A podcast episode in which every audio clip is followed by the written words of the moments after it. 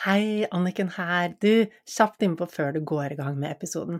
Jeg lurer på, har du noen ganger kjent på en skikkelig sånn blåmandag, hvor ting bare er tungt og trist, og du ikke har noe energi eller ork? Har du kjent på at du ikke har det som skal til for å få gjort de tingene som står på listen din, at du utsetter, prokrastinerer, ødelegger for deg selv og bare ikke får gjort det som du egentlig vil gjøre? Og har du kjent noen ganger på at livet bare er tomt, altså tomt for energi, tomt for glede, tomt for det som får livet til å gnistre?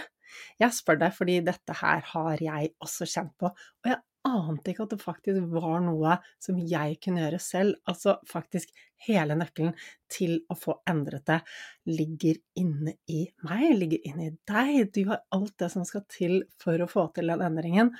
Denne kunnskapen finnes ikke ute i samfunnet. Burde vært pensum? Ja, absolutt. Og da jeg lærte det jeg nå kan i mentaltrening, så var det som om bare et stort lys gikk opp for meg, og endelig falt puslespillbrikkene på plass.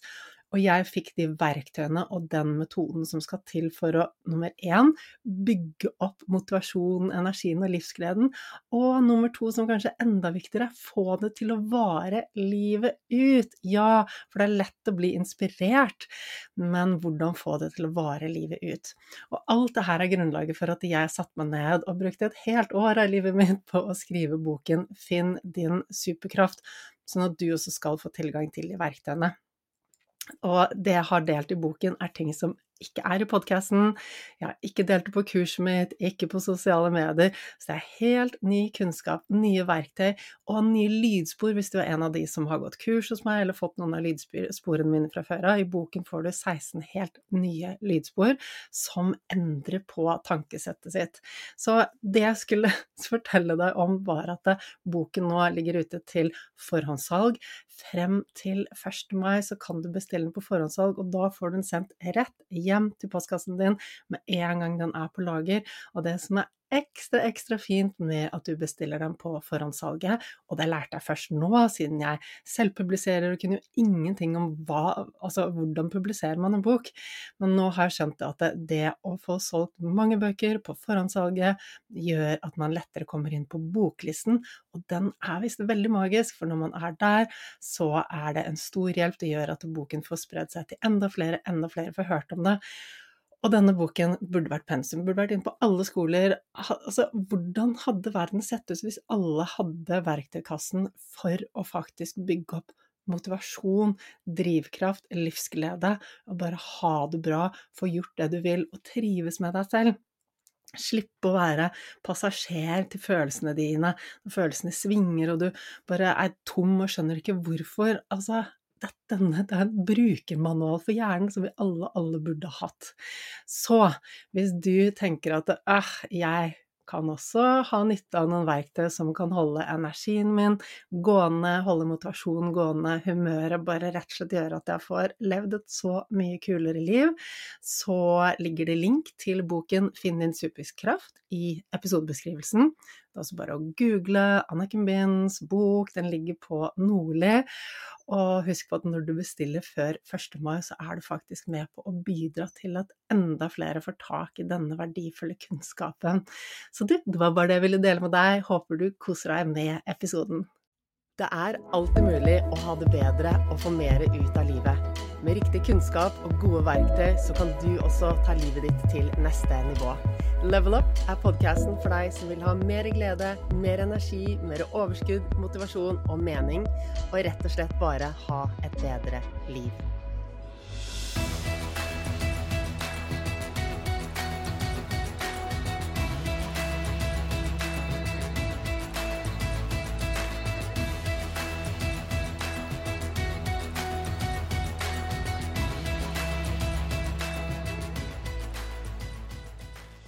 Hvilke tankesett, evner og ferdigheter er viktig at du har hvis du skal lykkes som gründer, eller hvis du skal bare lykkes i livet generelt, om det er mamma du er, eller pappa du er, eller arbeidstaker du er? Hva, hva er viktig å tenke på for at du virkelig skal kunne ha det bra, for at du skal kunne blomstre og få noe ut av den tiden du er her på denne jorden? Og hvorfor er det viktig at vi investerer? Hva betyr det egentlig å investere i oss selv? hva gir det igjen? Og hva har indre utvikling og personlig vekst å gjøre med en business? Dette er blant temaene som Torunn Ytrehus og jeg snakker om i ukens episode. Og denne her er til dere alle. Uansett om du er gründer eller ikke, så er det så mye verdifullt å ta med her i forhold til perspektiver på deg selv, hvordan du forholder deg til hverdagen, til livet ditt, til jobben din, og hva som skal til for at du får vekst i livet ditt. Torunn er en gullgruve, og hun har vært interessert i personlig utvikling i lang, lang tid. Så uansett, gründer eller ei, denne episoden er for deg, så jeg håper du koser deg med den. Hjertelig velkommen til Level Up, Torunn. Vet du, det er så hyggelig å ha deg med i dag. Ja, takk i like måte. Jeg gleder meg til å skravle med deg, og jeg vet at det kommer til å bli en så inspirerende prat om vår erfaring rundt å drive egen business og mindset rundt det, for det, der har vi masse å komme med. ja, der har vi mye å komme med. Og det er sånn, den episoden i dag Ingenting er klart. Veien kan gå absolutt uh, i hvilken som helst retning, men vi vet jo hva vi skal uh, snakke om. Yes. Så Torunn, jeg er ganske sikker på at uh, de som lytter her, de som følger meg på sosiale medier, de vet nok også hvem du er, men det kan jo være noen der ute som ikke har møtt på deg før. Har du lyst til å gi en liten sånn intro av deg selv? Ja, gjerne. Jeg heter jo da Torunn og er opprinnelig fra Tromsø, så nordlending som har eh, alltid gått min egen vei og vært veldig opptatt av idrett. Så tidligere var jo jobben min å spille basket, og det tok meg rundt i verden. Eh, fått til masse utad, sett ut som jeg liksom har vært tøff og fått til ting, og, men hadde en sånn litt ensom kamp på innsiden som jeg skjulte veldig, veldig lenge, fordi jeg trodde jeg var den eneste som følte meg litt annerledes, eh, tvilte på meg sjøl, brukte etter hvert mat for å rømme fra vanskelige følelser. Eh, og så for ti år siden, da, eh, da hadde jeg vært gjennom en reise med å endre tankesettet mitt og bli mer fri rundt mat og komme ut av det destruktive mønsteret. Um, og da kjente jeg at det her må jeg hjelpe andre med. Fordi jeg hadde vært fast i det med å prøve nye dietter og prøve å være strengere med meg sjøl for å skape en endring. Og i tillegg at jeg skulle stå i det alene. Jeg fortalte ikke engang mammaen min hvordan jeg hadde det. Og det, etter hvert så bygde det seg opp ganske sånn en ensom mur og en skamfølelse og en sånn følelse av å være utenfor. Og det var når jeg begynte å liksom bryte ned de murene og åpne meg for de rundt meg, og jeg lærte så mye mer. Jeg gikk dypere inn i at det handler ikke bare om å liksom være strengere og pushe, eller at man skal følge en matplan for å skape en endring. Eh, så kombinasjonen av det at jeg begynte å åpne meg og lærte så mye mer, så skjønte jeg at det var ikke min feil. Det var flere som følte på det samme.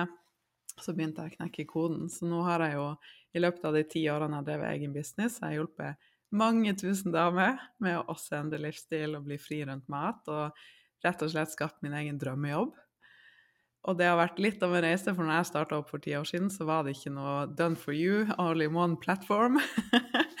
det var ikke så mange som drev på på nett, sånn som det er i dag. Så måtte jeg finne ut av ting litt sjøl, og kode den første medlemssida sjøl, og skikkelig sånn hustle mode, som jeg er veldig takknemlig for nå. Men nå er det sånn det som fikk meg hit, jeg vil ikke ta meg dit jeg skal nå. Så jeg har lært masse på veien. Um, og det som det hele tida kommer tilbake til, er jo forholdet vårt til oss sjøl og vårt eget tankesett, og hvordan vi klarer å møte og romme ting. For det er jo alltid opp- og nedturer i en sånn prosess. Så det var litt om meg. Mm, så fint, Torunn. Og når du sitter og forteller om deg selv, så, så, ser jeg liksom hele tiden paralleller til min reise. Og som jeg også tror paralleller til veldig mange andre sin reise. For som du sier, du trodde du var alene om å sitte i alle de følelsene. ikke sant? Kunne ikke vise det til noen andre, fordi hva vil andre tenke om meg da?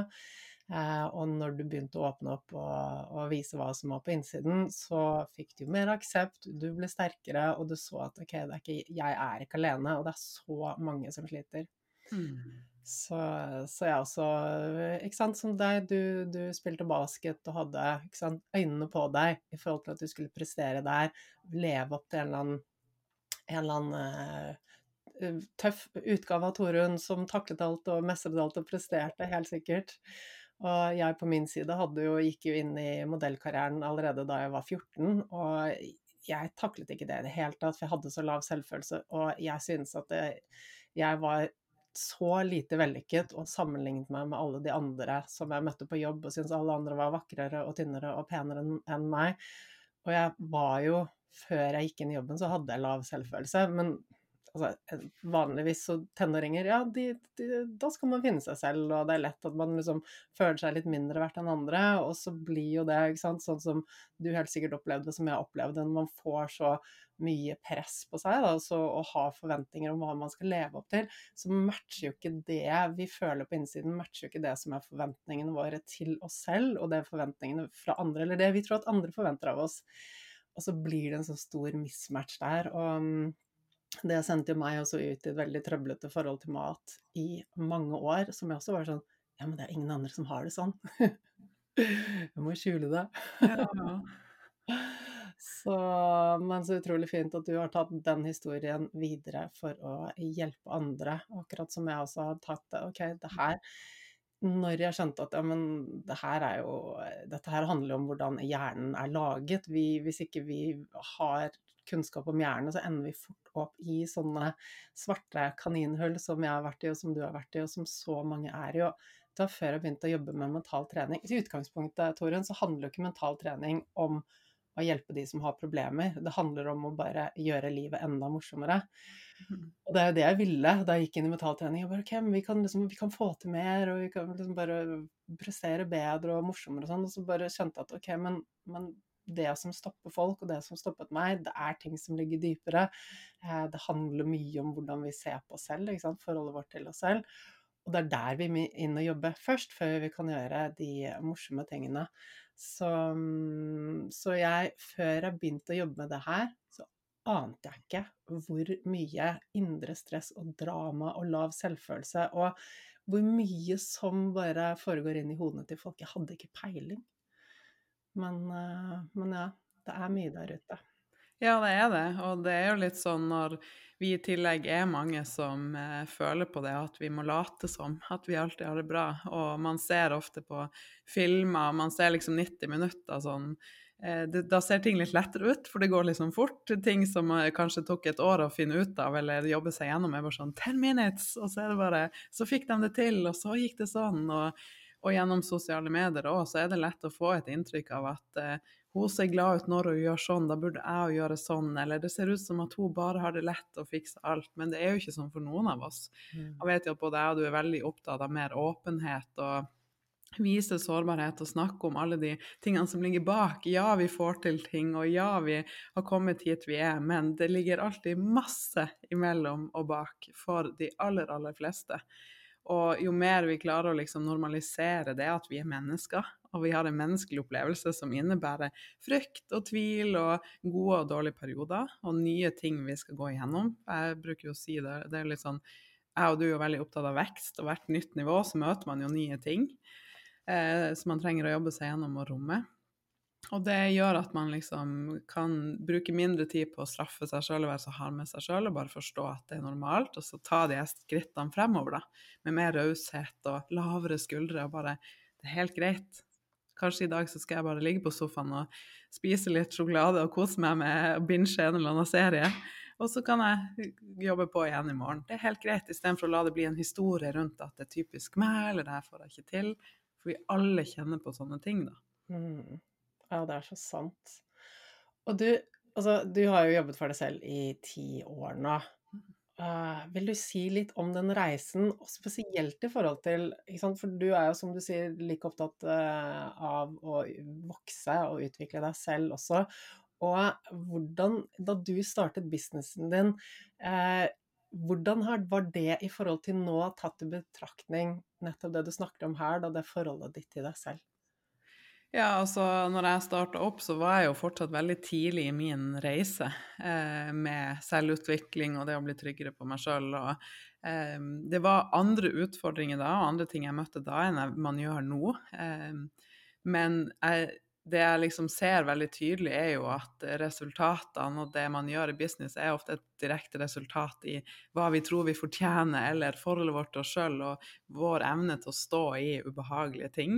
Og om vi klarer å ta de skrittene fremover, eller om vi lar det bli en historie om at Sånn som første gang du lanserer noe, så kanskje er det ingen som kjøper de første to dagene. Hvordan snakker du til deg sjøl da?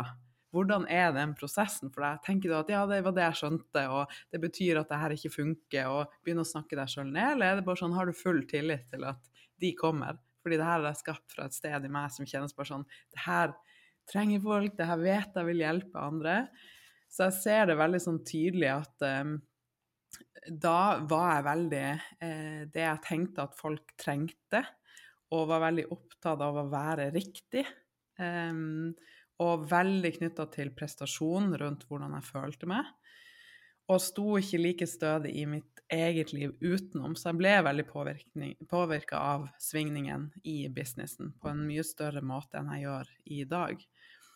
Um, og derfor så skjønte jeg jo fort at uh, for at vi skal holde space for andre, så trenger vi også noen som holder oss. Så vi trenger også å være i våre egne prosesser for å møte og jobbe oss gjennom ting som dukker opp, sånn at vi klarer å stå enda stødigere i ting. Da klarer vi å romme mye mer. Da klarer vi å romme at noen er misfornøyd, og noen er fornøyd, og vi vet at vi kan fortsatt gå hjem og lage middag og føle oss bra i oss sjøl, da.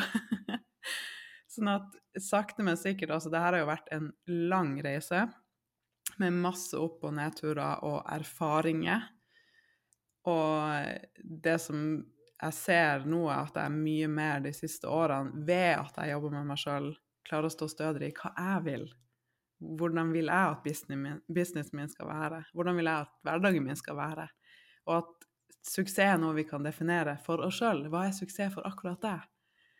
Det trenger ikke å se ut sånn som det gjør for alle andre. Og jeg har så lenge liksom gjort ting som bare Men det ser bra ut utad, og det burde man jo gjøre. Og når man skal ha sin egen business, så burde det jo se sånn og sånn ut. Man burde jage de og de målene. Så bare vent nå litt. Det her gjør meg jo ikke lykkelig. Jeg når nye mål, men liksom, hvor er jeg i prosessen? Hvor er liksom resten av livet mitt og den godfølelsen jeg trodde jeg skulle få når jeg når de nye målene? Og så skjønte jeg at det handler om å ja, bygge en business og et liv som gir deg en følelse av suksess på dine premisser, i tråd med dine verdier. og ha et sånn stødig fotfeste i hvorfor du gjør ting. Mm. Hva er ditt hvorfor? Og ha en litt sånn en større kontekst enn bare det kortvarige. Skal nå de og de målene og de og de tallene, men hva handler det her om for livet ditt? En større kontekst som handler om noe større. Ikke sant. Og det er så viktig det du sier. Og det gjelder jo uansett om vi er i en situasjon hvor vi skal drive for oss selv og ha vår egen business, men også for hvem som helst andre. Og det, det handler jo om, om motivasjonen vår når vi lever etter de ytre forventningene sånn som vi tror at eh, det er forventet at vi skal være. Eh, så mm, hvis vi da lever på tvers av det som egentlig stemmer for oss, verdiene våre, så vil det være en kilde til indre stress som vi ikke er bevisst på i det hele tatt.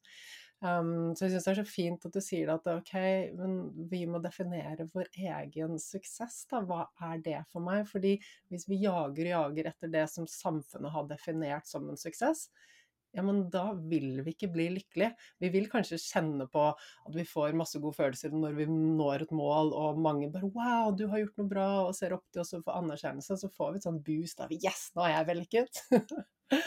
Og så varer det fryktelig kort, fordi det er ikke forankret i det som er på innsiden. Og det eneste bærekraftige er jo å styre etter det vi har på innsiden. Men så er jo også det en ganske sånn lang prosess å bare erkjenne ok, men det jeg egentlig har lyst til, er ikke nødvendigvis det som matcher det samfunnet forventer av meg, men det er først når jeg lever i tråd med det, at jeg har det bra, at jeg har en ekte indre drivkraft, altså indre motivasjon. Eh, og at jeg har det bra med meg selv. Og det handler om den energien vi sender ut også. Når vi er på et sted hvor vi lever i frykt og stress og bare jager og jager, så sender vi jo ut en ganske en stressende energi, da, kan vi si det sånn. Ja.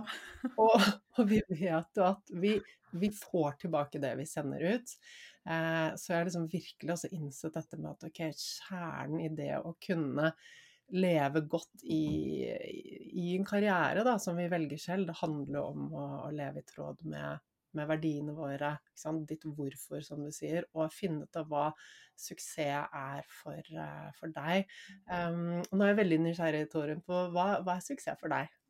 Det er jo det jeg kjenner at jeg har fått en sånn eh, stødigere fotfeste rundt det siste året. For at jeg har brukt mye tid på å gå innover. Fordi jeg nettopp har, sånn som du beskriver, altså eh, som jeg tror mange kan kjenne seg igjen i, at jeg har jaga veldig mange mål, og så har jeg følt meg litt tom. når jeg, Den første lykkefølelsen har vart så kort, og så har det vært en sånn tomhetsfølelse. Jeg burde ikke være glad, burde jeg ikke, jeg har jo fått til alt det her, men det har vært en sånn tomhetsfølelse. Og så har jeg fått et stødigere sånn innblikk i hvem jeg er, og hvordan jeg vil leve livet mitt, og at suksess for meg handler om å ha den friheten, og handler om at jeg kan velge hvordan jeg vil at min hverdag skal se ut. Og det handler om sånn som nå dattera mi fyller fire eh, om noen måneder. Og når vi kan ligge litt ekstra i senga på morgenen og flire og ha god tid til å spise frokost og ikke må ha de der stressa morgenene når jeg f.eks. har et møte litt tidligere, for jeg kjenner på hvordan det, det, kan være. Bare da kjenner jeg på suksess. At jeg har tillatt meg å gå veien som har vært altså det har krevd å komme hit jeg er i dag, men jeg har tillatt meg det for å komme dit at nå har jeg en hverdag som passer meg så bra. Der jeg kan styre den og gjøre ting som jeg vil, og ha masse tid med familien min og kjenne på sånn ro.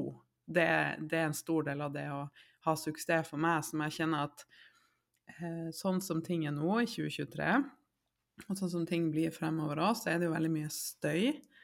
Man blir veldig eksponert for hvordan alle andre gjør det og ting går så fort. Og det er lett å bli frista av shiny objects og den nye appen, og de gjør sånn, og jeg burde gjøre sånn, og det ser kult ut, og, og miste det her stødige fotfestet i seg sjøl og bli litt mer i hodet og på jakt etter hvordan andre gjør det, da kjenner ikke jeg suksess. Da kjenner ikke jeg at jeg har en sånn dyp tilstedeværelse, og at jeg da mister jeg litt mitt fokus og den jeg er. Så det er liksom hele tida en sånn daglig praksis, hvis man kan si det sånn, eller det er noe jeg trenger å gjøre, minne meg på liksom Hei, hva er suksess for deg? Hvordan vil du at ditt liv skal se ut? Og suksess for meg er ikke en fullstappa kalender eller å ikke kunne være til stede i hverdagen min, da, med de som betyr mest, og skape minner og Men samtidig også nå nye mål og hjelpe mange å ha suksess i businessen, selvfølgelig. Ikke sant. Den gode balansen. Suksess for deg. Ja, og, og, og, det er jo veldig likt det du sier. Og når du, du beskriver det, så, så, så, hører jeg at ok, dette er verdiene dine. ikke sant? Mm. Frihet og, og familie og den balansen i hverdagen. Eh, og suksess for meg er også det å kunne leve etter verdiene mine, som er veldig like dine, da. eh, som handler jo om frihet. Det står øverst på listen. Eh, og så er det jo helse og familie og muligheten til å gjøre de tingene som jeg syns er gøy. Og, og det er, sant, som du sier, er akkurat en sånn, det er en sånn daglig sånn sjekk-inn med meg selv. Å, det er masse morsomme ting som dukker opp. Shiny objects. Å, jeg kan gjøre det, og jeg kan gjøre det. Og så er det sånn, ok, men sjekke litt inn med meg selv igjen, da. Hvis jeg sier ja til dette og dette, hvordan vil det påvirke det som er viktigst for meg i livet mitt? Mm. Og Forrige uke så hadde jeg en sånn, jeg sjekket inn med meg selv, eh, og jeg bare sånn Vet du hva, til våren så skal jeg lansere boken min.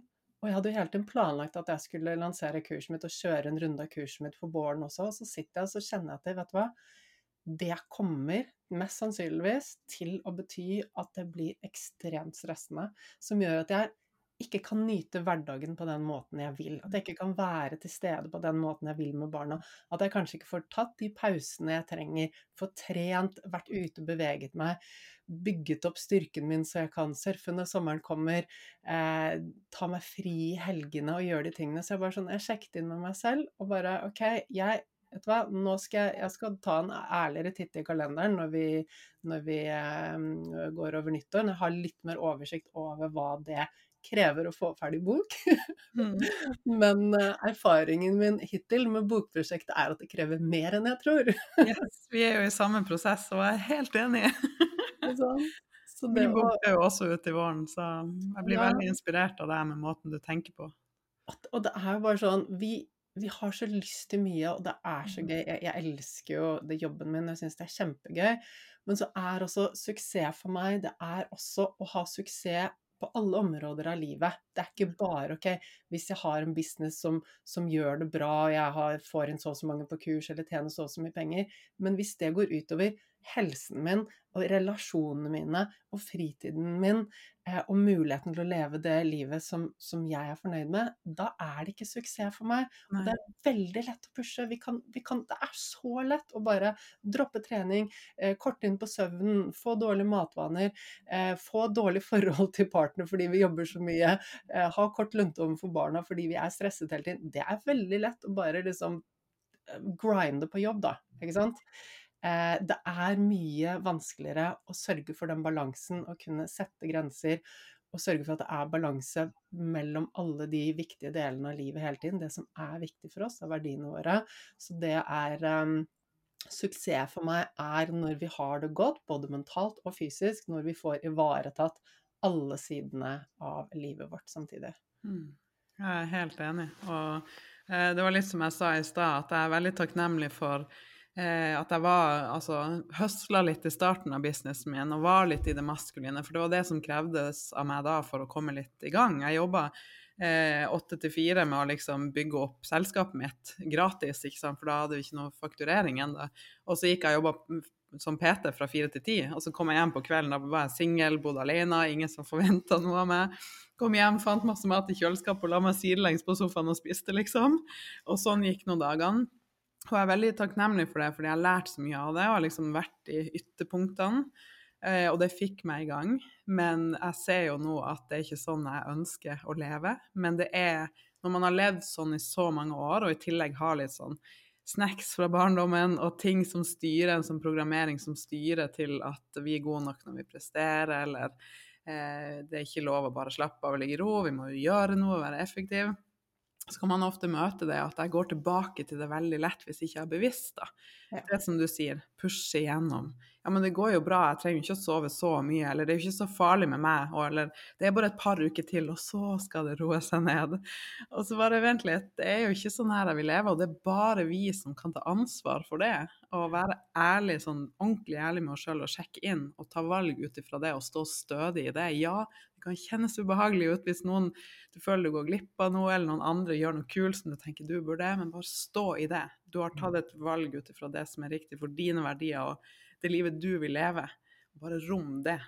Og det er litt den prosessen jeg er i nå. Med, um, fordi at jeg igjen har havna litt i det maskuline og litt i å pushe. Oi, her var jeg igjen. Det er interessant.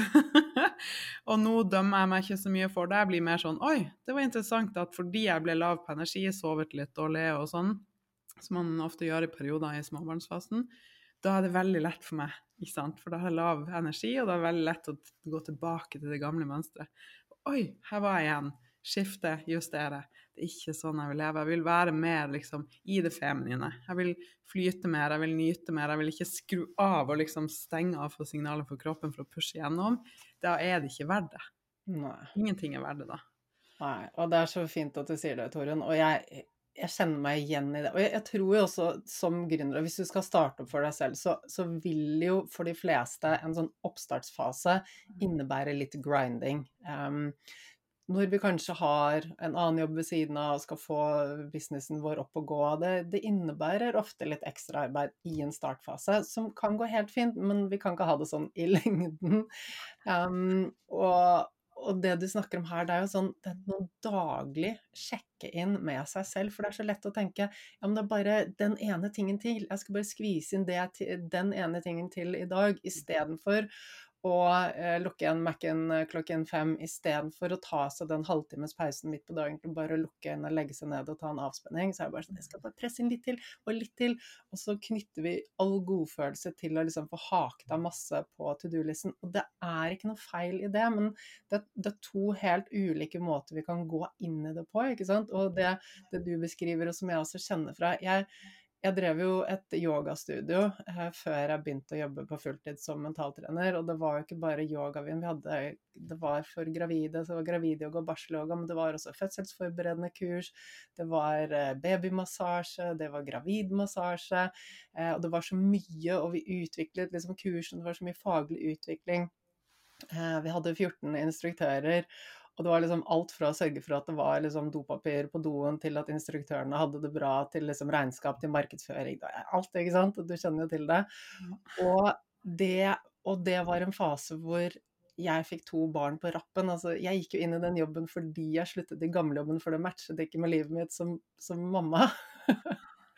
Så det å ha to små barn som ble født på rappen, og bygge opp det firmaet som det var liksom 24-7 med hard jobbing Og det var da jeg på et tidspunkt kom til meg selv og sa at ok, men vet du hva, det her er jo ikke bærekraftig.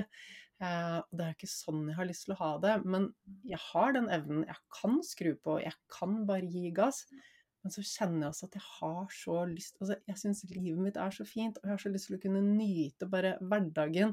Bare liksom jeg, og jeg trives ikke med at det går fort. Jeg trives ikke med at kalenderen er fullpakket. Altså, jeg møter ofte folk bare ja, som sier ja, du er sikkert sånn som liker at det, det liksom skjer noe hele tiden. Jeg bare nei, jeg gjør faktisk ikke det. Jeg elsker å nyte livet mitt.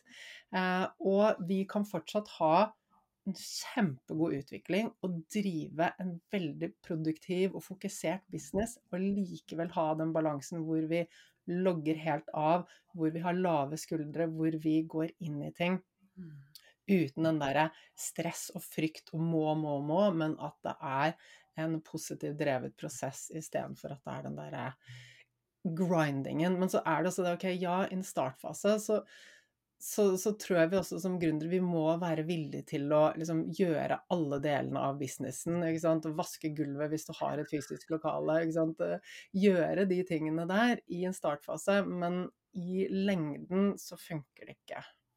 Nei, og det er noe med at liksom bygge opp noe også fortest mulig når du har mulighet, kunne få inn flere på et team som kan støtte deg og hjelpe deg og ta unna litt, sånn at du kan gjøre mer av det som For sånn som meg og deg, vi er jo visjonæren, vi er jo liksom de som får drive selskapene våre fremover. Vi kan ikke sitte hver dag med liksom regnskap og kundeservice og alle sånne småting. Vi trenger å kunne fokusere her for at businessen vår skal fortsette. Liksom, vi holder jo den store visjonen.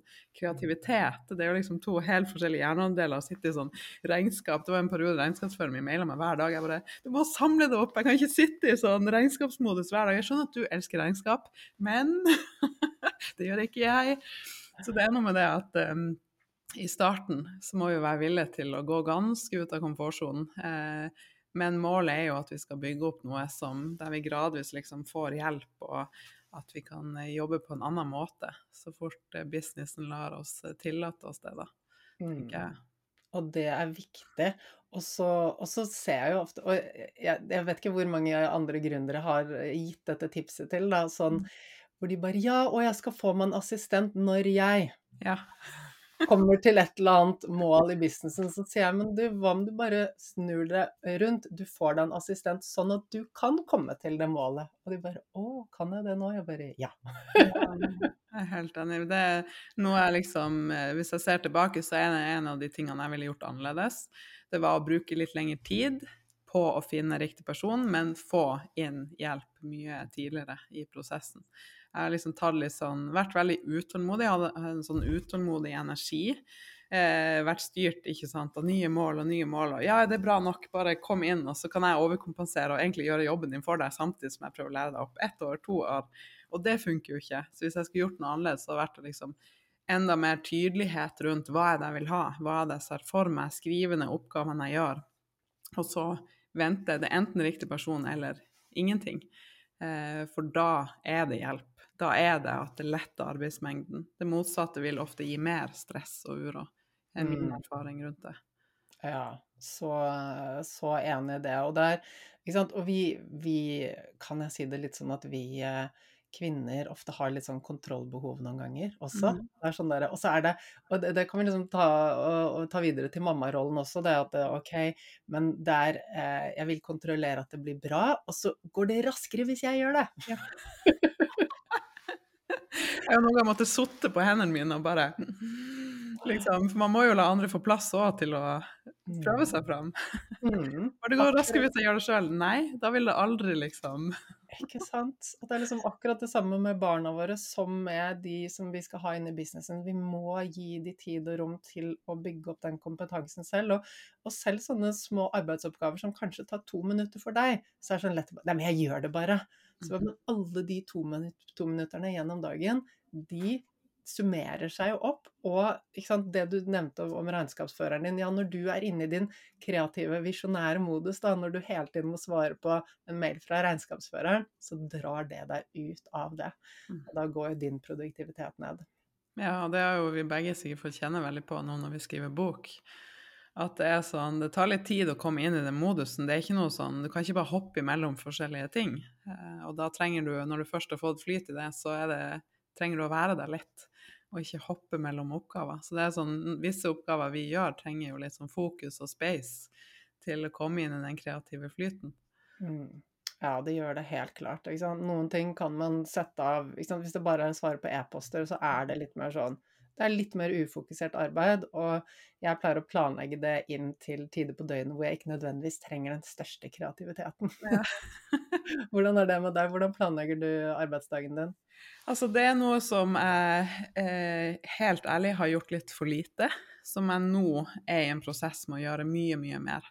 Eh, jeg ser at det går mye energi på liksom sånn tenke hva jeg skal gjøre, og tenke på hva jeg skal spise til lunsj, og tenke på når jeg skal trene. Og fordi helse er jo en kjempeviktig verdi for meg, og, og, trening er noe som jeg trenger for å føle meg på mitt beste. Og det er bare en så stor investering i oss sjøl. Så nå har jeg fokus på enda mer. Og det er litt sånn med tanke på altså Det er jo ulike faser man er inne i. Og i visse faser i å bygge opp en business, så er det jo sånn at det blir litt sånn brannslukking, eller hoppe fra oppgave til oppgave, eller se hvordan ting utvikler seg. Men nå har jeg kommet dit. Jeg har jo også det siste ett og et halvt året eh, Nå har jeg jo to ulike brands, to ulike selskaper, og egentlig begynner nå å bygge to ulike teams. Um, og da trenger jeg å ha Nå har vi kommet dit at vi, jeg kan begynne å planlegge mye mer og strukturere. De dagene gjør jeg det, de tidspunktene gjør jeg det. Og det er en prosess som jeg er inne i nå, som jeg bare kjenner at det er litt sånn, for jeg er så glad i å være fri og følge flyten, og ikke med en gang noen sier du må gjøre sånn, så sier jeg da skal jeg ikke gjøre det. Men nå har jeg skjønt at det å ha en sånn struktur og planlegge mer gir meg mer frihet. Og derfor har jeg funnet en helt annen motivasjon i meg sjøl til å gjøre det. Så det er en prosess som jeg er i gang med nå. Så helt ærlig, det er ikke noe jeg har gjort noe av. Jeg har prøvd, men så tror jeg det handler mye om hva firmaene mine har trengt til ulik tid. Men nå er det virkelig sånn step up, next level. Så det er det jeg mye fokus på nå resten av året, og jeg gleder meg til å implementere flere sånne gode rutiner i hverdagen min generelt. da. Ja, så viktig. Og det er jo som du sier, liksom, vi gründersjeler er jo ofte litt sånn frihetssøkende. Eh, og det er jo en sånn fin drøm at man liksom bare kan våkne opp og gjøre det man har lyst til, men det er ikke så veldig produktivt i lengden. Og i, som du sier da, i en viss struktur så er det mye frihet. Eh, det gir mer eh, tid, det åpner opp for mer produktivitet og frihet, og man kan planlegge dagen sin sånn at man har frihet innenfor disse bolkene. Eh, men rett og slett er mer effektiv og liksom holder e-poster til visse dager, visse mm. tidspunkter, møter til visse tidspunkter. Og har noen dager, eller i hvert fall lange tidsbolker, til fokusarbeid, da, sånn som bokskriving er. Mm. Jeg er helt enig, så det, jeg gleder meg til å oppdatere hvordan Du har jo sikkert gjort det lenge? Hatt litt sånn struktur? Ja, jeg har, uh, har, ganske god struktur på hva jeg gjør når, og hvordan jeg liksom Jeg, jeg batcher ting da når jeg først skal liksom Hvis det er noen sosiale mediegreier, eller om det er podkast-greier, så, så, putter jeg det inn på de samme dagene, eller deler av dagen, at jeg deler opp dagen. Eh, for jeg ser bare at jeg er mye mer produktiv da. Men så har jo ikke jeg et like stort team som deg. Jeg har ikke, det er foreløpig bare én del av businessen. Så det er færre baller å sjonglere. Men jeg har veldig lyst til at du deler litt mer om altså, den businessreisen din. Du holdt på i ti år, fra da du startet til Fortell litt mer om utviklingen og og sånn businessen din er strukturert i dag, Torunn. Det er kjempespennende. Ja.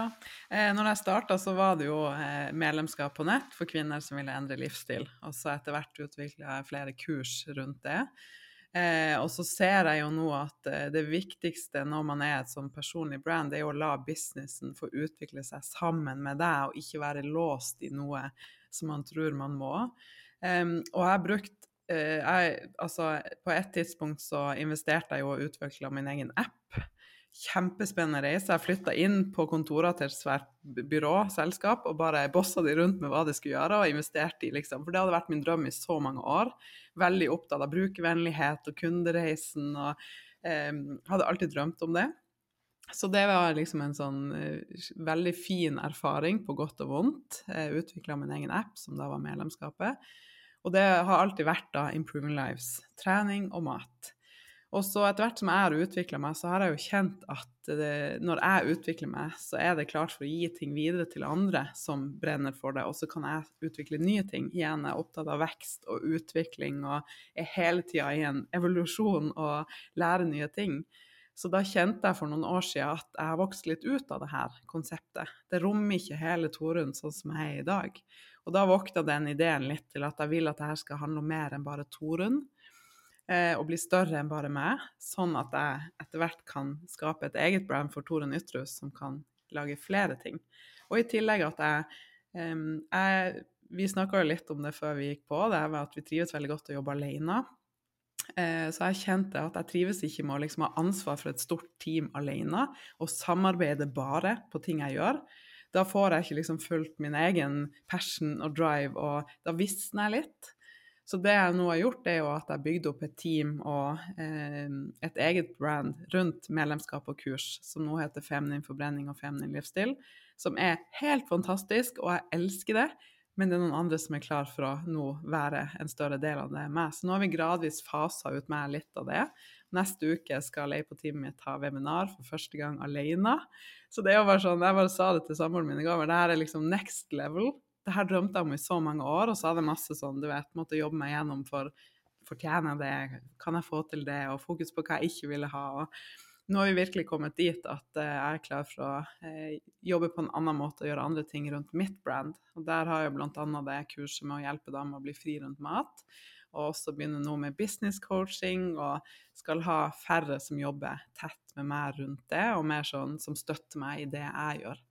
Så skal også samboeren min si opp jobben sin, og, eller ta permisjon først, da og begynne å jobbe fulltid med meg fra januar. Så det skjer så mye sånne prosesser som jeg selvfølgelig kommer til å oppdatere og dele mer rundt eh, etter hvert som jeg lærer og erfarer rundt det.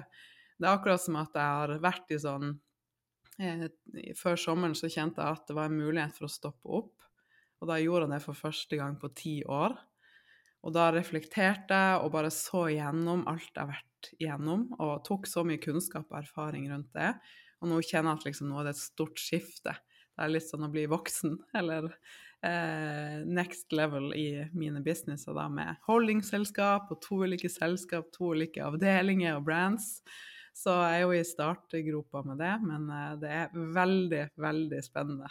Og der merker jeg jo òg at det at jeg har noen å spare med, og det at jeg har noen som holder med, er helt uvurderlig i en sånn prosess. Ja, det, vi trenger alle noen å snakke med. Og selv om du og jeg er veldig like med det at eh, vi elsker å jobbe alene Jeg kan være alene hele dagen, bare jobbe med min ting og ha masse motivasjon eh, på det. Det der har det best. ja. Trives så godt alene. Men, eh, men det, den kraften i å ha noen å spare med, det er jo Altså virkelig. Vi, vi, trenger Alle trenger det, uansett hvor einstøing du er som du og jeg. Så er det det å ha noen å diskutere med og lufte hodet med. Få feedback fra, få tips fra kanskje noen som også har gått veien for deg. Det, det er uvurderlig. Og både du og jeg er med i Mastermind i mm. utlandet. Og jeg uten å gjøre de investeringene i min vekst, så hadde jo ikke jeg heller vært der jeg er i dag. Og det er, ikke sant det er så lett å tenke at vi kan fikse alt selv, og vi i Norge er litt sånn Jeg skal bare fikse det selv, og jeg kan sikkert bare google meg frem til det. Og jeg opererte også nakken for når det er tre måneder siden, og jeg var sånn men jeg trenger ikke fysioterapi. Jeg fikser det selv. jeg, jeg, trener så mye, og jeg kan sikkert bare google noen øvelser og så gjøre litt. Og det, det går seg til, det ordner seg. Og så bare skjønte jeg at det, det ordner seg ikke i det hele tatt. Hver gang jeg prøvde å gjøre noe fysisk, så bare strammet alle muskler i nakken, jeg bare masse hodepine. Det bare, ting funket ikke. Så jeg var sånn Hm, kanskje jeg trenger fysioterapi likevel? så, så, var det sånn Ja, jeg har fått henvisning eh, fra Helfo og alt sånt, men jeg bare sånn Men hvor skal jeg gå? Jeg vil gå til noen som er flinke. Så jeg bare sånn OK, nå har jeg gått privat. Det er ikke billig men jeg har fått sånne resultater. Jeg mm. går til en som er ekstremt dyktig. Eh, og det er bare sånn Den lille investeringen gir så mye igjen. Og det er ting som jeg hadde ikke klart det på egen hånd. Jeg kunne kanskje Altså, for å lære meg de tingene Nei, jeg, det er en kompetanse som jeg ikke skal bygge opp, ikke sant. Og når det gjelder det å utvikle business, eh, altså utvikle oss selv Ja, altså, vi, vi, trenger noen som kan veilede oss på den veien der. Fordi vi, vi kan ikke google oss frem til alle de svarene. Eh, og skal vi fikse vår egen utvikling, så sitter vi der fortsatt om 40 år og har ikke kommet så veldig mye lenger, i forhold til det å faktisk få, få hjelp fra noen. Mm. Nei, det du sier her, det er jo sånn, det med å investere i seg sjøl, det tror jeg jo er eh, en sånn reise for mange. Det har vært det for meg òg, at i starten var det sånn investere 30 000 i et kurs var helt sånn så ute av komfortsonen. Og det handla òg mye om at da skjønte jeg ikke verdien i å investere i meg. Fordi at jeg hadde Nå er jeg sånn, jeg vet at jeg er min viktigste investering, for det får jeg igjen ganger ti. Fordi jeg, hvordan jeg har det, er et direkte resultat av alt annet i livet mitt. Det er liksom grunnmuren til alt. Så når jeg investerer i meg sjøl, så vet jeg at jeg møter opp og får det jeg trenger ut av den investeringa, eller tar imot det som skal komme. Og det kan se veldig ulikt ut fra gang til gang. Det er ikke noe sånn at det må se sånn ut, eller jeg ser at jeg ofte har fått noe helt annet enn jeg tenkte, med en så verdifull læring. Hver gang jeg investerte i meg sjøl, og så har jeg jo etter hvert liksom øvd, altså økt det taket, og nå investerer jeg jo større summer i min egen vekst og i mastermind enn noen gang, men jeg vet at det, og jeg ser hver gang at veldig mange når man blir sittende alene, så er man sånn Burde jeg gjøre det sånn? Burde jeg gjøre sånn? Og dem gjør det sånn. Så blir man sittende kjempelenge og nøle. Mens når man har en gjeng som er på et høyt nivå, så skjer ting så mye fortere. For du har en gjeng å støtte deg på, lene deg på. Du lærer så mye av å se de andre bli coacha og ta opp ting. Og man bare løfter hverandre til et helt nytt nivå. Så det er mm. helt uvurderlig. Og det er noe sånt som jeg tror for mange damer, spesielt i Norge, og vi har jo vært der begge to, i hvert fall jeg, at eh, vi skal spørre de hjemme, eller at det er uvant å investere i seg sjøl. Fortjener vi det? Og vi har så lett for å bruke penger på barna våre og på andre, men det er litt mer sånn oi, kan jeg investere meg sjøl? Men det er en gave til alle rundt deg at du investerer i deg sjøl. Det ser jeg gang på gang. Altså, og det er så sant. Eh, vi, vi kvier oss for å, for å, gjøre noe bra eh, for oss selv. Men eh, det ligger jo i ordet investering, da. Det er jo ikke sånn jeg kaster ikke tid og penger ut av vinduet uten å få noe igjen, men jeg får noe mer igjen. Og det er ikke bare jeg som får det godt, men det er de rundt meg. Og eh, jeg leser en eh, veldig fin bok nå som snakker mye om den effekten, hvordan vi påvirker andre og blir påvirket av andre. Eh, og det er jo, ikke sant vi, Du vet jo helt sikkert det også at vi har disse speilnevronene som gjør at vi kan matche andre når andre, eh, andre sine følelser. ikke sant? Vi lærer av andre. Eh, vi er empatiske. Vi, vi er jo flokkdyr, vi skal være, eh, være, sammen. Og vi kan også eh, altså vi, man ser at folk kan bli syke, til og med dø, fordi de blir påvirket av eh, tanker og, og, eh, og, liksom sånn Det har vært det flere eksempler da, fra historien at det er sånn Å, nå er det en epidemi, eller det er noen smittegreier, eller det er noe som skjer. Og så blir folk syke, og i noen tilfeller har de dødd også. Eh, bare fordi at de har innbilt seg ting. Det har ikke vært ekte smitte, det har ikke vært ekte sykdommer, men det har vært en sånn der masseeffekt. Eh, og det er, er det mange studier og mange historier på at det skjer. Så det er helt klart og tydelig at vi blir påvirket av andre. Så, og da kan vi liksom ta og liksom snu litt på det. ok, så hvis vi som, Og dette med å investere i business og personlig vekst, det handler om hvordan vi har det. ikke sant? Det er jo gøy å utvikle seg. Og vi altså, vi klarer ikke å være en god versjon av oss selv uten å rydde opp litt på innsiden og lære litt uh, verktøy for hvordan å håndtere hjernen vår. Og har vi ikke gjort den indre reisen og den indre veksten, så vil vi mye lettere være en person som fokusere på det negative, irritere oss over ting, ha litt kortere lunte overfor partiet, ha kortere lunte overfor mm. barna. Og bare rett og slett bruker opp mye tid og energi på drama. Og den energien sender vi ut til alle rundt oss. Yes. Og det er vi mennesker det, er, det Her fins det så mye tall på, og vi vet at vi påvirker hverandre. Og det var sånn studie i den boken jeg leser som refererte til Det var gjort en studie på eh, på dette med positivitet, da, at de menneskene som er rundt andre mennesker, som er mer positive og tilfreds med livet, de blir også selv mer positive og tilfreds med livet. Det, vi, vi, påvirkes av hverandre. Sånn er det bare, og sånn skal det være. Vi, skal, vi, vi er laget for å tune inn med hverandre.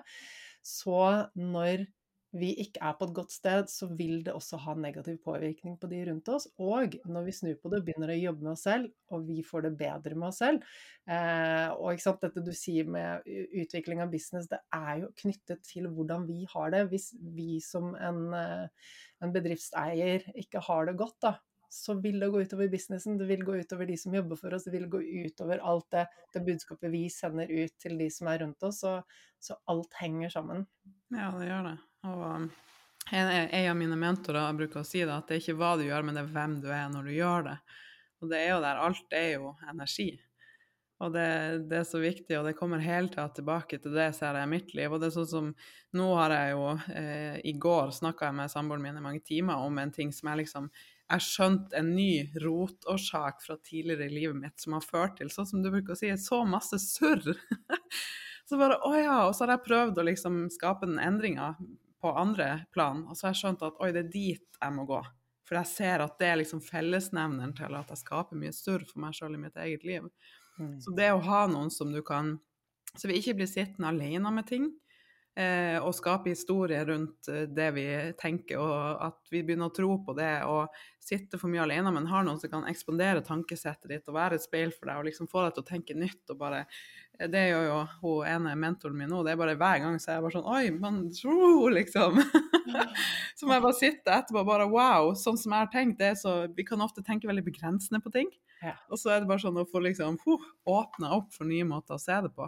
Ja. Det, jeg vet at jeg og du kommer aldri til å slutte å investere i oss sjøl eller være rundt andre som løfter oss, for det er så gull. At det er sånn hver gang vi har sprengt et glasstak, så vokser vi jo, men så når vi et eller annet nytt glasstak, og så handler det om å sprenge det også. Og jeg, Forrige uke så hadde jeg en eh, Zoom-call med en uh, venn i California som jeg masterminder med. og Han, bare, han er i 30-årene. Han bare Innen jeg er 40 så skal jeg ha en uh, multi-billion dollar uh, business. Og For oss nordmenn så er det litt sånn Det kan høres litt sånn amerikansk ut og sånn, men jeg, altså, det jeg hadde den samtalen med han der på kvelden, eh, og var litt sånn trett. Jeg var sånn åh, Jeg vet egentlig ikke om jeg orker å liksom sette meg ned og snakke med han, for han kan være litt intens. Men jeg ble så inspirert av den samtalen, for det er noe med at hans energi, den påvirker meg også. Og vi feeder sånn på hverandre. Vi elsker å snakke sammen. Jeg deler mer om uh, måten jeg jobber med, liksom, bygge opp den indre styrken og selvfølelsen og tankesettet. Um, hjelper han med ting der, og han er bare sånn Han er så superintelligent og så målrettet. Og han bare sånn Oi, jeg skal gjøre det. Nei, men da bare, da bare lærer jeg meg alt det. Han er bare sånn Ting som ville tatt andre mange år å lære seg, gjør han på et par måneder. Han bare, så bare mm. Altså, han er liksom intelligent sosialt sett, og uh, han, han scorer høyt på alle, alle sider. Uh, så, og det var sånn Jeg bare kjente at det, det å være rundt en person som bare Ja, Altså, han vet at det han vil, det får han til. Det er ikke noen grenser der. Det er bare å, å, kjøre på. Nei, men det er ikke sant. Det er ikke bare å kjøre på, for han er veldig opptatt av balanse og helse også. ikke sant? Så han har også den derre eh, skal, Han skal ta seg kjæresten sin, helsen, alle de tingene han gjør for at han skal eh, leve i balanse, leve etter verdiene sine. Alt det er på plass. Og så er han superambisiøs. Og jeg bare kjente at det, det gjør så mye med meg. Det gjør at jeg også bare Jeg har lyst til å være rundt andre mennesker som også tenker på samme måten som meg, som ser muligheter istedenfor begrensninger, som er med og liksom stiller meg spørsmål som får meg til å åpne opp mer. Det, det er også gøy. Ja, veldig. Jeg ser bare den masterminden jeg er med i nå, det er bare sånn OK, du har fått til det. Og det er bare sånn eh, Starta et selskap med mannen sin som ble verdsatt for 2,5 billion dollars, og bare sånn 500 ansatte, og nå gjør hun det her, og, og, det er bare sånn man bare har liksom tenkt så begrensa, og så bare oi, liksom. Det bare løfter, og ikke på en sånn å, hvis ikke jeg får til det, så er jeg ikke god nok. Men det er bare så kult. Det er jo litt som Jeg lovde sist gang jeg snakka om det, at jeg skulle google det sånn at jeg husker detaljer, men du har jo sikkert hørt om four minute mile? Ja. Det med at sant, det var ingen som hadde løpt, løpt det fortere enn som så, og så plutselig når én klarte det, så var det mange som klarte å løpe det fortere og mm. fortere. og fortere. Mm. Fordi vi trenger ofte bevis, og vi trenger ofte, hvis vi tror at litt som du sa i stad med placebo, hvis vi tror at noe er mulig, hvis vi tror at det ikke er mulig å gjøre det mer enn sånn, så er det det liksom vi ser. Mens plutselig oi, noen har klart å løpe det fortere, da er det jo mulig, og så plutselig er det flere som får det til. Det er så fascinerende. Ja, det er så fascinerende. ikke sant? Og det er Roger Bannister det refereres til, og det er den, den en engelsk mil, og de trodde ja. det var umulig å gjøre på under fire minutter. Og han, han, brøt den grensen, og etter det, bare i måneden etterpå, så var det mange andre som også klarte det. Takk for at du huska historien, det var bra. det liksom sånn, og det er noe med at ja, når, når, når, noen andre bare Men dette har jeg gjort, og dette skal jeg gjøre, dette er mulig, så er det bare sånn ah, Da bare sprenger vi unna et par glassdag. yes.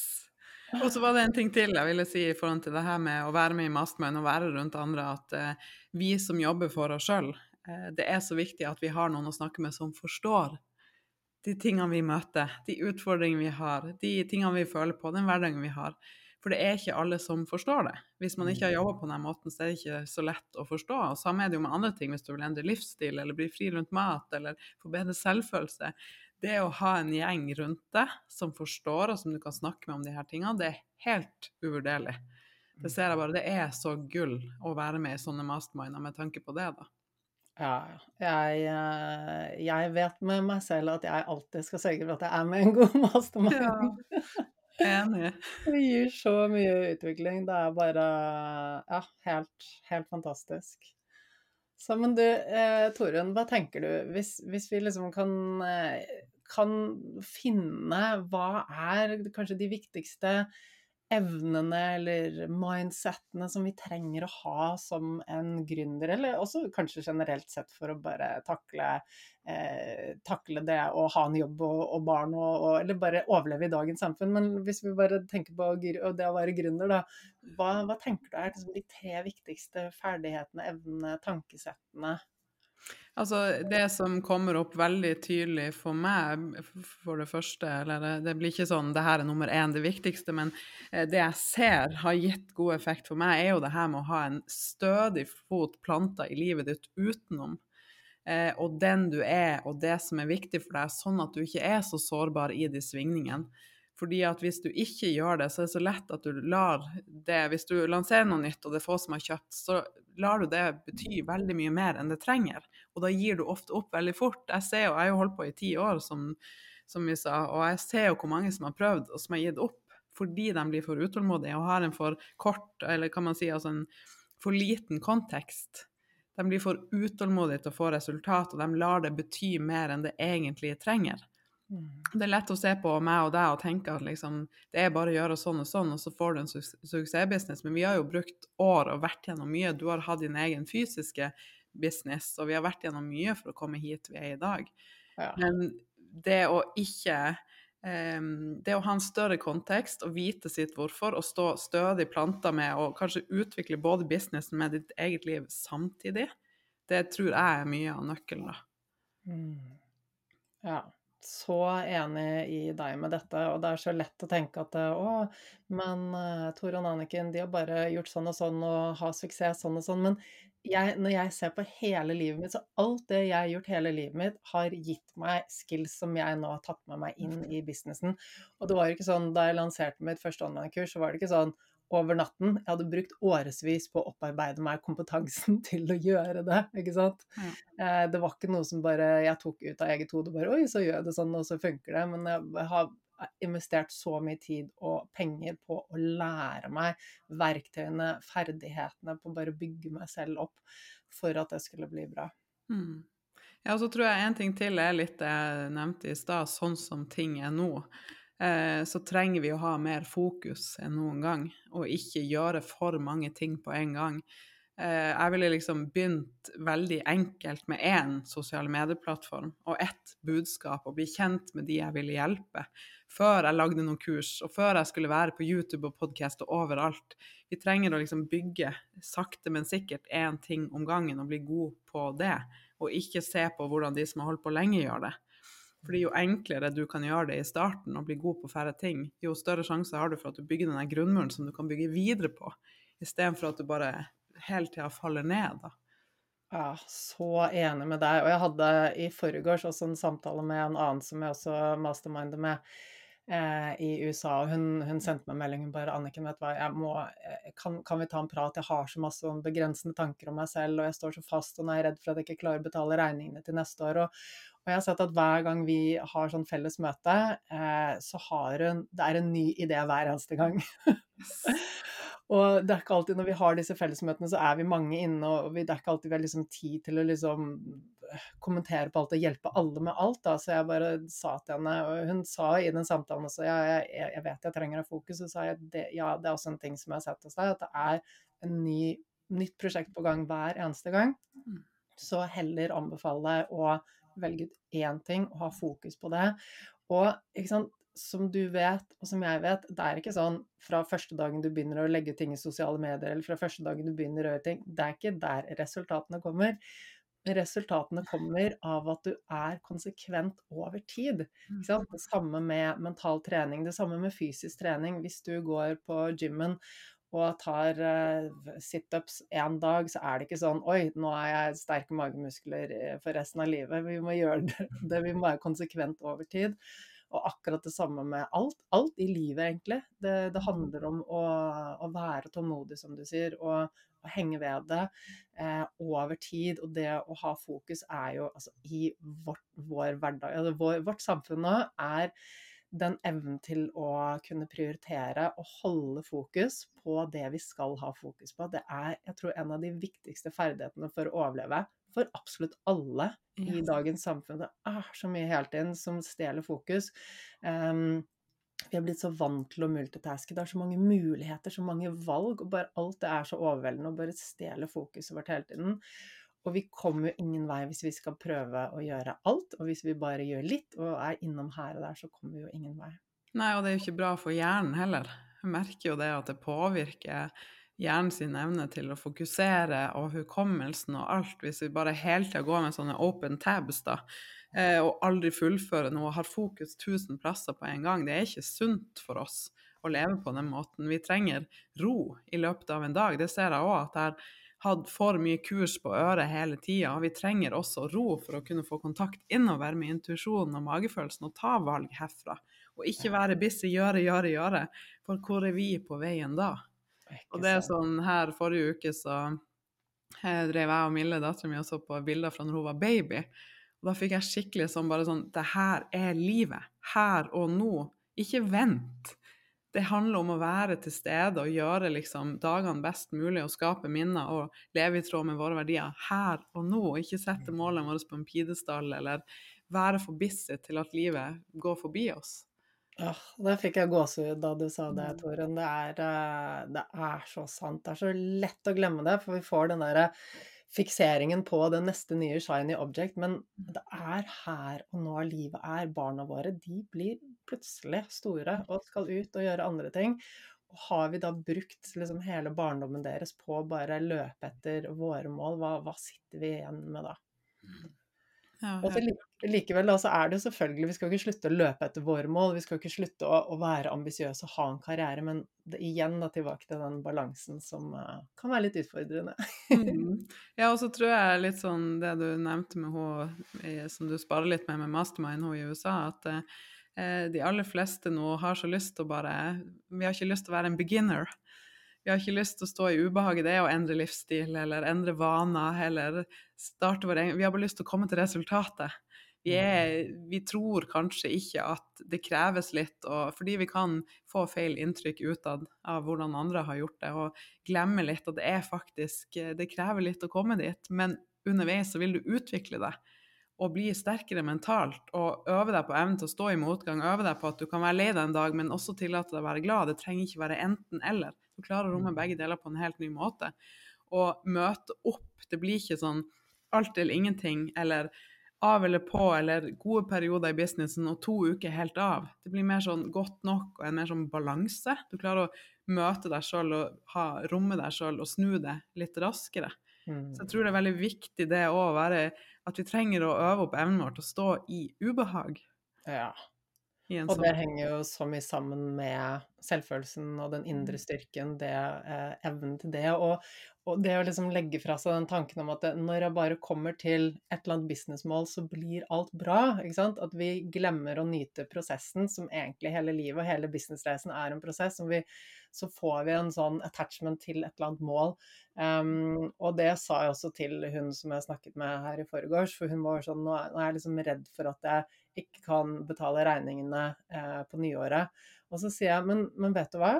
sånn som du har det nå, selv om du da plutselig har en business med et stort team, med kjempestor inntekt og, og omsetning du, du, går rundt, du kan plutselig finne deg akkurat samme situasjon. Plutselig har du ikke fulgt med på tallene, kanskje eh, du har vært mer penger ut enn deg inn. Plutselig så kan du selv, når du har kommet så mye lengre, så kan du befinne deg akkurat samme situasjon med akkurat samme følelse som nå. Så uansett hvor mye du vokser, så kan følelsene dine i forhold til at det er for mye å gjøre, at du er overveldet, at det er kaos, at du er bekymret. De følelsene de vil jo ikke forandre seg med mindre du forandrer på det du har på innsiden, med mindre du forandrer på hvordan du forholder deg til det. Eh, og aksepterer at det er rot og kaos. Aksepterer at du ikke blir ferdig med to do-listen. Aksepterer at du hele tiden er i prosess, istedenfor å forvente at det, det blir bra når jeg kommer til et sted.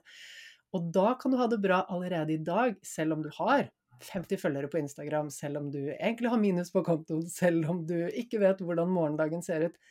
Når du gjør den indre endringen, så kan du ha det bra i dag, og du må ikke ha kommet til et eller annet businessmål før du kan begynne å ha det bra. Nei, ja, det, og jeg hørte på en podkast her forrige uke der det var ei som sa en sånn setning som bare festa seg litt hos meg. for å, Da snakka om nettopp det at det er så lett for oss å tenke at bare jeg kommer dit, eller hvis jeg drar på ferie, så vil jeg føle meg annerledes, eller gjør sånn og sånn. Og hun sa det, at, og, eller at ja, jeg må bytte kjæreste eller bytte jobb. Da kommer ting til å bli lettere. Det er det som er. Det er der det ligger. Og hun sa det at wherever you go, there you are. Så det er liksom sånn, selv om du bytter Jeg har vært sånn Å, jeg vil flytte så jeg får mer ro i livet. Å ha ro er en It's a state of being du kan skape ro selv om du står midt på Manhattan, kan du ha indre ro. Mm. Så det er noe med at wherever you go, there you are. Det er den indre jobben som vil skape den følelsen og de resultatene du vil ha, og at vi ikke venter på det eller tror at det ytre vil gi en annen følelse hvis vi ikke klarer å snu det her og nå. Mm. Ja, så utrolig fint sagt. Ja, og, det, og, det, er den indre jobben, sant? sånn som du og jeg som de, de businessene vi driver, de er jo veldig knyttet til oss som person. Eh, og selv om du da kanskje ikke nødvendigvis driver din egen business, men du, du, går på jobb et eller annet sted, så er liksom hele livet ditt er jo knyttet til din utvikling. Hvordan du har det inni deg, hvordan du forholder deg til de tingene som er. Eh, og det å kunne finne roen og tilfredsheten i det som er, betyr ikke at det, det skal bli en hvilepute, at vi aldri ønsker å forbedre oss, men at vi ikke forventer at det lykken først kommer når jeg kommer til et eller annet sted. Det, det er en indre jobb som, som, vi alle trenger å gjøre for å kunne leve et godt liv, rett og slett. Mm. Så viktig. Men Torunn, eh, er det noen sånne siste ting du tenker at uh, til de som sitter og tenker at de vil starte en egen business? Jeg vet at det er mange av lytterne her som, eh, som enten driver egen business, eller som ønsker å gjøre det en gang. Hva er liksom ditt, ditt, beste råd? Og nå har vi vært innom masse fint, hvis du skal summere det med et par Ja, altså det er en ting til jeg ville si, er at sånn i starten uh, gå litt inn i deg sjøl og tenke på litt sånn ditt hvorfor har vi nevnt, men også den sånn hvilken endring er det du vil se i verden? Mm. Eh, at du har en eh, dypere grunn til hvilken business du vil skape, hvilket community er det du vil skape, hvilken endring er det du vil se? Hvis du kunne hjulpet andre, eller liksom en ting som er endra i ditt liv. Hvis du starter en business fra det grunnlaget, så er det en litt sånn annen passion bak enn at du gjør det for at du tror du må, eller at du skal bare gjøre sånn og sånn igjen, og da får du en frihet, og da vil du føle deg bra. Um, så i hvert fall med tanke på å ha et personlig brands eller starte en online-business, så er det veldig fint å gå litt i en sånn prosess, da. Hva er du opptatt av? Hva, er det bare sånn, hva kunne du snakke om i timevis? Hva er det du har lyst til å hjelpe andre med, eller hvilken endring vil du se i verden? Sånn som, det har jo vært grunnlaget vårt, eh, et av de, for å starte der vi er. Jeg, bare, sånn, jeg vil endre hvordan kvinner i Norge ser på livsstilsendring. Det skal ikke være å telle kalorier eller være streng med seg sjøl. Det finnes en annen måte. Jeg vil endre måten eh, kvinner ser på det her med mat og følelser og kroppen sin. Vi skal ikke gå hele livet med å være på diett og ikke føle oss gode nok. Oh, det kommer en sånn passion under som er bare sånn Det her elsker jeg, det her vil jeg få ut. Det skaper en helt annen motivasjon og drivkraft, syns jeg, da. Ja, så viktig. Det legger jo hele grunnlaget for at det er en positivt drevet prosess, og ikke en sånn, som du sa i starten, en jage tomme mål som er eksterne mål, eh, forventninger fra andre, eller 'å, de gjør sånn og sånn', eller 'å, jeg skal bli gründer fordi da får jeg mer frihet'. Men jeg, jeg vet ingen som jobber så mye som gründere, så Det er litt sånn utopi, fordi man kan alltid åpne opp Mac-en og eh, bare crunche inn et eller annet. Mm. Og det krever litt å komme dit at man kan ha den friheten. Man må bygge opp noe først, så da er det veldig fint å ha en, et annet hvorfor, en annen grunn som leder seg gjennom den starten, da. Mm. Veldig, veldig fint. Så masse fine poeng her, Torunn. Og du, jeg vet at du nå fremover skal tilby egen mastermind. Og coaching for, eh, for, de som driver business. Vil du fortelle litt mer hvor eh, folk kan få mer informasjon om det, og følge deg enten om de er interessert i å lære mer om livsstilsendring eller business? Mm, gjerne. Jeg heter jo Tora Nytrus på Instagram, og så har jeg en podkast 'Ditt beste deg'. Og nå har jeg jo en mastermind som det er mulig å søke om å bli med til. Og det er jo for de som har holdt på en stund eller er litt i gang med en online business. Så kommer jeg også til neste år å lansere et sånt kurs for de som har lyst til å starte business som er på et, liksom, på et annet nivå, da, som har lyst til å komme i gang, eller der jeg skal ta med de bak kulissene på min business. Det viktigste jeg har lært, og hvordan jeg gjør ting. Så det er også for nye, men også de som har holdt på en stund. Så det blir litt mer om det også, i tillegg til og hvordan du kan bli mer fri rundt mat. Så kommer det jo bok for oss begge til neste år. Ja, det gjør det. Herregud, så mange morsomme planer. Ja. Eh, og så så jeg du, du sender jo også ut eh, jevnlige e-poster med informasjon også. Er det mm. bare å gå på hvor, hvor, kan man melde seg på? Ja, det er det. Jeg har ikke noe der akkurat nå. Men det er bare hvis man kommer på Instagram. Så altså, jeg har jo eh, venteliste til kurset, og så har jeg en sånn opt-in med å bli fri rundt mat. Men jeg har ikke noe sånn i forhold til eh, business. Men eh, bare kom på Instagram og si hei, så kan jeg lede deg videre i mitt univers. Herlig. Perfekt. Da vet vi hvor vi skal finne det. Så jeg gleder meg sånn til å følge med på reisen med Mastermind og alt det spennende som skjer. Altså helt magisk. I like måte. Og som vanlig så er det jo helt fantastisk å snakke med deg. Det er så, det er så fint å bare se at eh, har, du har så gode perspektiver, og det er så likt på den måten jeg tenker, og vi bare får løftet virkelig frem uh, frem de tankene vi har, da. Så love it. Love it. Så inspirerende samtale. Tusen takk, Torunn. Da får du ha en fin dag videre. Og så ses vi snart på noen sånn herlige middag og keramikkveld, gjør vi ikke det? Jo, jeg gleder meg masse. Det blir så koselig. det gjør det. Men da snakkes vi. Ha det. Ha det. Hva sitter du igjen med nå etter alt det vi har snakket om? Kanskje du har noen store spørsmål, kanskje du har litt mer innsikt, kanskje det har åpnet mange nye dører i hodet ditt, ny inspirasjon og tanker om hvordan du kan legge opp livet ditt fremover. Så del gjerne med oss hva du har fått ut av episoden, hva du sitter igjen med. Eh, tagg gjerne Torunn og meg i sosiale medier når du lytter til episoden. Jeg tenker spesielt, jeg er interessert i å vite hva er det dette betyr for deg? Hva skal du ta med deg videre? Skal, hvilke endringer skal du nå gjøre i livet ditt? Hvilket, hva har skjedd med bevisstheten din? Så del det gjerne med oss. Jeg syns det er så utrolig gøy å høre. Og husk at når du går inn og gir en tilbakemelding på podkasten, eller laster den ned og abonnerer, så sørger du for at vi får spredd denne podkasten ut til enda flere, så enda flere får ta del i denne læringen. Så jeg setter veldig, veldig stor pris på alle og enhver av dere som bidrar til å få spredd mentaltreningens vidunderlige verden. Så du, takk for at du var med i dag, og så gleder jeg meg til å se deg igjen neste uke.